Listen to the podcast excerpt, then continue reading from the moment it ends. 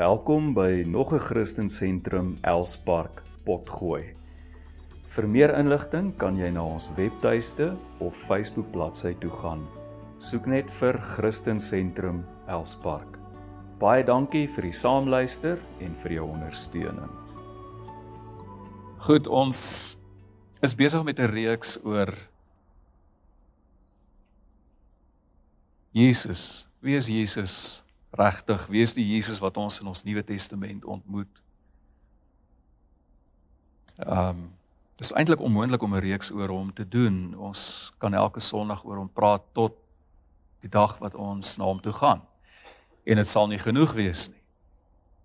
Ehm um, Jesus is die middelpunt van ons hele geloof. In hom, deur hom, tot hom is alle dinge. En ehm um, vanmôre kyk ons na Matteus 4 vanaf vers 1 tot 4. En ons kyk na die betekenis van Jesus se versoekinge. Die betekenis van Jesus se versoekinge. Hierdie is ons gaan vandag en dan volgende Sondag kyk ons na die versoekinge. Um en vandag kyk ons spesifiek na laat die klippe brode word. Die eerste versoeking. Laat die klippe brode word. En ons lees um vanuit Matteus 4 vers 1 tot 4 die 2020 vertaling en uh, hier kom dit. Hierna is Jesus deur die Gees die woestyn ingelei om deur die duiwel versoek te word. 40 dae, 40 nagte lank het hy gevas en later honger geword. Toe het die versoeker die bose Satan nader gekom en vir hom gesê As u die seun van God is, sê dat hierdie klippe brode moet word.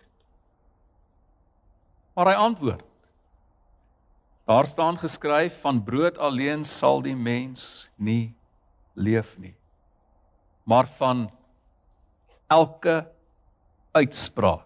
Die woordjie uitspraak in die Grieks rheimati, wat die ons ken die woordjie rheimati, rheima, rheima, rema, woord, is woord, né? Woord.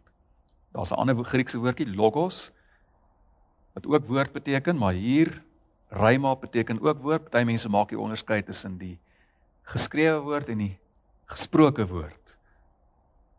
Maar van elke rymati, elke woord wat uit die mond van God kom. Net tot sover die Here seën hierdie woord die oordeenking daarvan in ons almal se harte. Jesus se bediening begin toe hy op ongeveer 30 jarige ouderdom deur Johannes die Doper in die Jordaanrivier gedoop word. Toe hy uit die water uitkom, daal die Heilige Gees op hom neer soos 'n duif. So het God vir Jesus ingewy en hom gesalf met die Gees vir sy bediening wat voorlê. Jesus was nie 'n sondaar nie. Maar deur homself te laat doop soos 'n sondaar het hy homself met sondaars soos ons geïdentifiseer. Jesus begin dus, ons almal weet dat Jesus se bediening begin die oomblik toe hy gedoop is in die Jordaan. Hy begin sy bediening dus deur ons plek in te neem. Die vraag is, waar is ons? Waar is ons? Is ons in 'n tuin? Is ons in God se tuin? Is ons in die tuin van Eden of is ons in 'n wêreld wat 'n woestyn geword het as gevolg van ons sonde?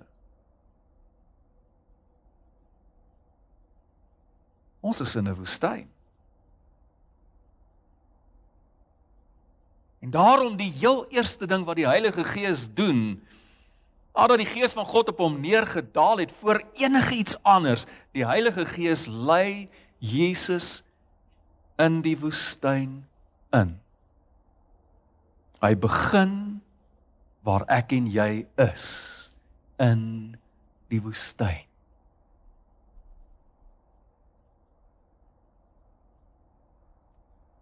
Maar hoekom? Waarom leef ek en jy? Waarom lewe ons? Waarom bestaan ons? In die woestyn. Waarom is ons in 'n woestyn? Is dit nie omdat ons gesoek het voor die versoeking van die bose nie? En dit is waar Jesus begin in ons woestyn waar hy net soos ons deur die bose versoek.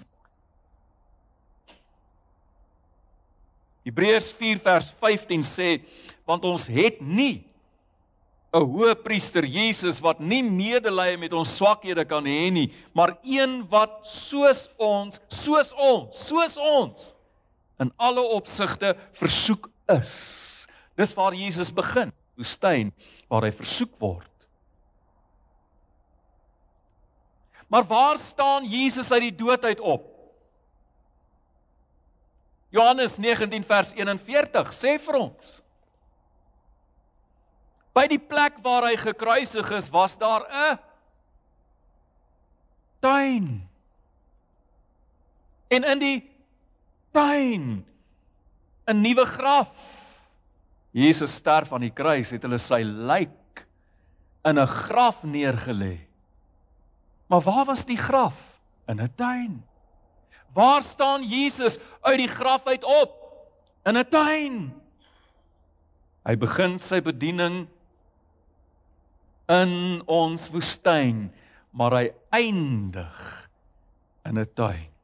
En dit is die pad, dit is die die roete, die reis waardeur Jesus jou en my in hierdie lewe wil vat, is uit ons woestyn uit terug terug na God se tuin toe. Het jy hom terug na God se tuin toe? 40 dae pas Jesus. Wat beteken dit as ons vas? Ons eet nie, ons die kos nie. Dis in die woestyn en hy vas. Ek dink jy daar was iets om te eet nie. 40 dae vas hy in die woestyn. Hy's honger. En as toe hy honger is, terwyl hy honger is, wat die bose, die duiwel na hom toe kom en hom 3 keer versoek. Dit beteken nie dat Jesus net 3 keer deur sy lewe versoek is nie. Hierdie 3 versoekinge is eerder die gekondenseerde vorms van versoekinge wat sy hele lewe deur na hom toe sal kom. En uiteindelik 'n klimaks sal bereik aan die kruis waar die verbygangers hom sal uitdaag en sê as u die seun van God is. Hoe sê hoe klink die eerste versoeking as u die seun van God is? Aan die kruis hoor ons dit weer as u die seun van God is, kom van kruis af. Wat 'n versoeking. Wat 'n versoeking om vir 'n honger mens. 'n Mens wat 40 dae laas geëet het. As hy nog so 'n bietjie langer aanhou, gaan hy sterf van hongersnood. Wat 'n versoeking om vir iemand wat honger is amper tot die dood toe te sê maar jy het mos die mag. Hier's baie klippe, verander dit in brood. Jy kan jou honger nou stop is oor genoeg om te eet. Jy kan nou stop. Wat 'n versoeking. Wat 'n versoeking om vir iemand wat in pyn is, in ongelooflike pyn en sterwend is aan 'n kruis te sê, maar jy kan mos 'n einde maak daaraan. Jy kan mos stop om hierdie pyn nou te ervaar. Jy hoef nie dood te gaan nie. Jy is mos die seun van God. Kom af. Ons moet dit weet, broer en suster. Versoekinge versoekinge kom nie na ons sterkpunte en na ons hoogtepunte toe nie. Versoekinge kom na ons laagtepunte toe, na die plekke toe waar ek en jy swak is. Wanneer ons honger is. Wanneer ons in pyn is. Wanneer ons gestres is. Wanneer ons moeg is. Wanneer ons nie meer kan nie. Wanneer ons verveeld is. Wanneer ons kwaad is. Dan wanneer versoekings kom. Hoe klink die eerste versoeking? As jy die seun van God is, sê dat hierdie klippe brode moet word. Hierdie versoeking het twee elemente. Twee elemente. Die eerste element is Jesus moet homself bewys. Hy wil homself bewys. Jy sê jy is die seun van God, bewys dit. Bewys dit. Wat 'n versoeking. My goodness. As iemand na my toe kom en sê, "Hoorie, ek hoor jy is so sterk." Almal sê, praat van jy is so sterk, maar jong, ek kyk na jou, jy's maar jong. Nie lekker vir my is of jy is 'n liggewig kan Bewys, bewys dit. Wys my, wys my hoe sterk is jy. Wat 'n versoeking is dit nie om net daar en dan vir eens en vir altyd hierdie persoon se twyfel vir hom uit te wis en vir hom te wys hoe sterk. Dis 'n versoeking. Dis presies wat die bose kom doen met Jesus as jy die seun van God is. Wys dit. Is dit nie wat ons met God doen nie? as u God is. As u leef, as u bestaan, bewys u self. Here, u sal so 'n bietjie beter moet doen as wat u op die oomblik doen. U moet u self duideliker maak. Kom so 'n bietjie agter die skadu wees uit. Hoekom doen u nie die een uitstaande wonderwerk wat vir eens en vir altyd alle twyfel uit die weg sal ruim dat ons sal weet dat U God is. Jesus Hy sê hy is die seun van God. Bewys dit. Hoekom moet ons glo dat U meer is as net nog 'n verligte persoon of 'n guru soos 'n Confucius? of 'n Boeddha, verligte mense wat deur die loop van die geskiedenis hulle verskyning maak, Gandhi. Hoekom moet ons glo dat u meer is as hulle? Bewys dit. Wat u op die oomblik doen is nie vir ons goed genoeg nie. Jy sal so 'n bietjie beter moet doen as dit. Die tweede element van hierdie versoeking is mm, sê dat hierdie klippe brode word verander klippe in brood. Een van die grootste probleme in die wêreld vandag is hongersnood. Mense sterf van honger. Weet julle daar's oor die 7 miljard mense op aarde. Ons dink ons gaan na 8 miljard toe. Tegnies is al genoeg kos vir almal om te eet. Tegnies. Maar mense gaan dood. Nie net daar ver deur in Noord-Afrika nie, hier in Suid-Afrika. Is daar kinders wat nie kos het nie. En hoeveel keer het ons nie al die argument gehoor nie? U, julle sê daar's 'n God. As hy dan almagtig is en as hy 'n God van liefde is, hoekom is daar dan hongersnood in die wêreld? Ons almal het al fotos gesien van uitgeteerde kindertjies. Met opgeblaaste maagies as gevolg van wanvoeding. Kommunisme het beloof om die wêreld te verlos deur 'n stelsel te skep wat die gemeenskap so sal orden dat niemand ooit weer honger hoef te wees nie. Jesus As U die ware verlosser van die wêreld is, hoe kan U toelaat dat 'n arme onskuldige weerlose kind doodgaan van honger? En dieselfde druk kom na die kerk toe. As julle Christene is, sal julle vir mense kos gee. As julle Christene is, moet julle die hongeres kos gee. Eers kos, dan God. Julle kan later vir hulle van God vertel. Eers kos, dan God. Brood is prioriteit, God is sekondêr.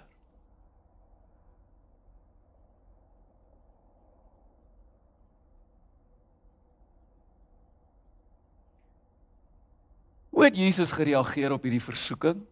Stem julle saam, dis 'n redelike versoeking wat na jou toe kom. Hoe het Jesus nee gesê vir hierdie versoeking?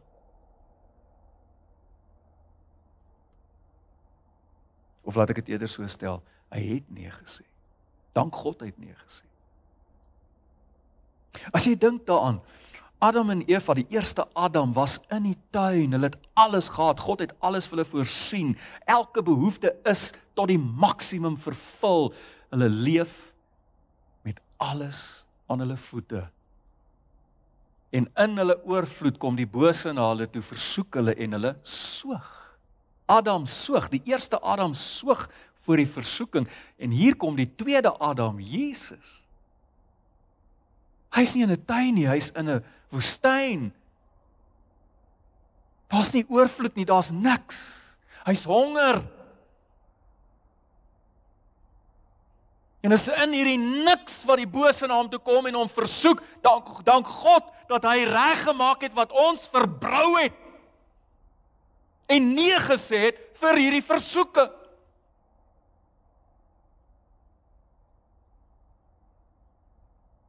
Dank die Here daarvoor.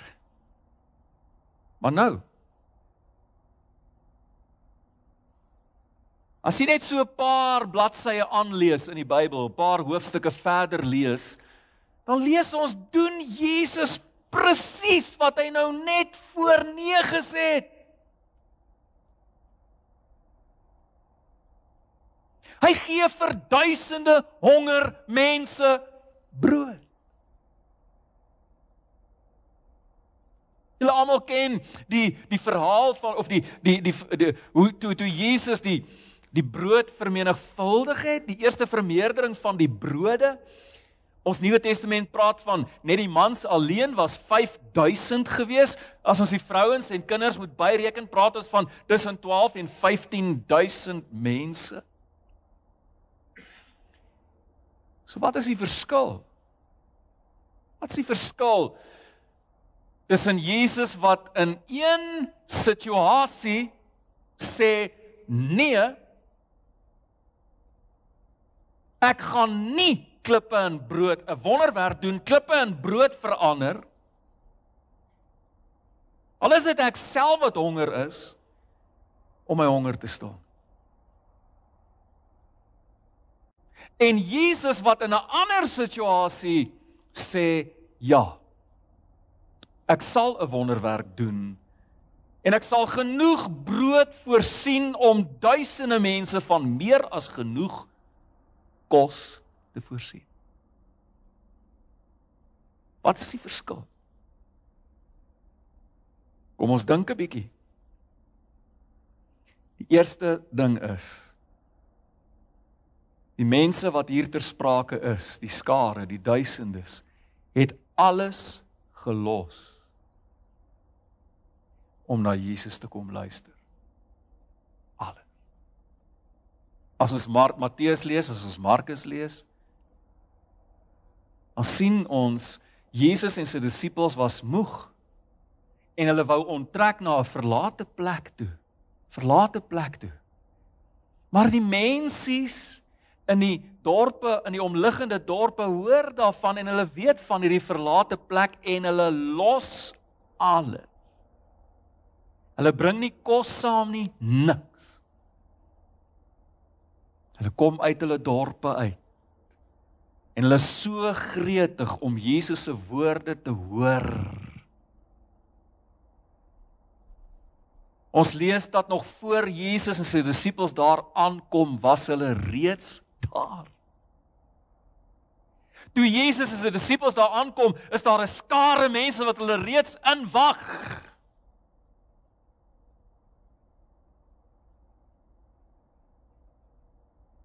Hierdie mense het heel eers hulle harte vir God oopgemaak.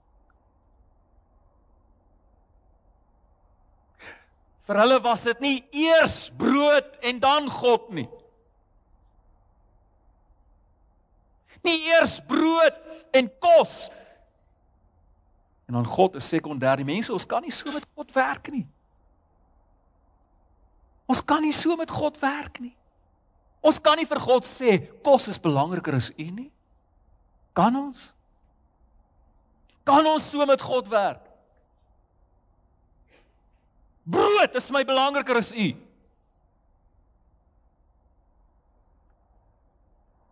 Brood is primêr, U is sekondêr. Ek kan nie sonder brood klaarkom nie, maar ek kan sonder U klaarkom.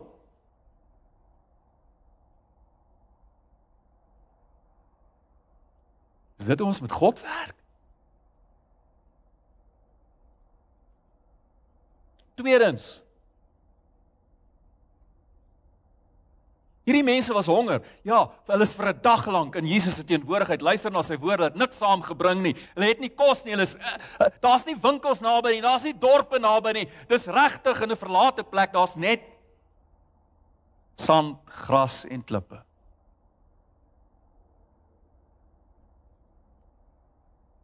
Hulle is honger. Maar nêrens lees ons dat hulle Jesus versoek en vir hom sê ons is honger. Die naaste dorp is ver van ons af. U het nou die geleentheid om te bewys dat u die seun van God is. Doen 'n wonderwerk. Hier's baie klippe. Verander dit vir ons in brood dan kan ons eet. Ons lees dit nie. Nie een van hulle sê eers hulle is honger nie. Het jy dit gelees daar? Nie een nie. Maar wie is hierdie mense? Dis die mense wat alles gelos het om na Jesus se woorde te kom luister. Hierdie is die mense wat eers hulle harte vir God oopgemaak het.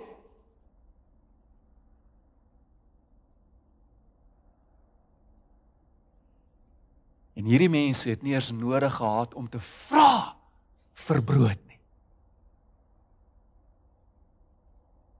Nie eens nodig gehad om te vra nie. Jesus sien hulle is honger. Hy weet hulle is honger en hy vra die Vader. En hy vat 5 ou broodjies en hy doen 'n uitstaande wonderwerk en vermeerder die brood om vir tussen 10 en 15000 mense meer as genoeg brood te gee. Jy geweet Jesus is die brood van die lewe. Jesus eerste, dan brood. Jesus eerste, dan my lewensbestaansmiddels.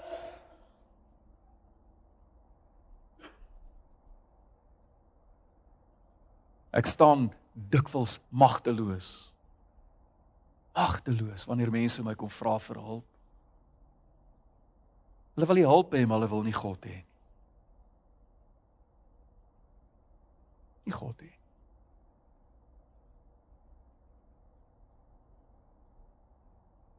Magteloos. Wil nie eers hulle harte vir Here oopmaak nie. Wil nie eers sê Jesus, ek gee my hele lewe vir U nie. Nee nee nee, dis nie belangrik nie. Ek wil hulp hê. My vriend, ek kan jou nie help nie. Regtig, ek is magteloos. Ek wil jou help. Ek wil, maar ek kan nie. Want as jy nie eers Jesus jou koning wil maak nie. As jy hom nie eers jou koning wil maak nie. As jy nie heel eers jou hart vir hom wil oopmaak nie, as jy nie besef dat God belangriker is as kos, dan kan ek nie as 'n mens wat beperk is vir jou 'n werk of 'n blyplek of uitkoms of geld of kos uit die blou hemel uitpluk nie. Ek kan nie. Kom ons sê dit vir mekaar vandag is God eerste en dan hierdie goed. Belangriker. Die Here is belangriker as kos. Die Here is belangriker as blyplek. Die Here is belangriker as uitkoms.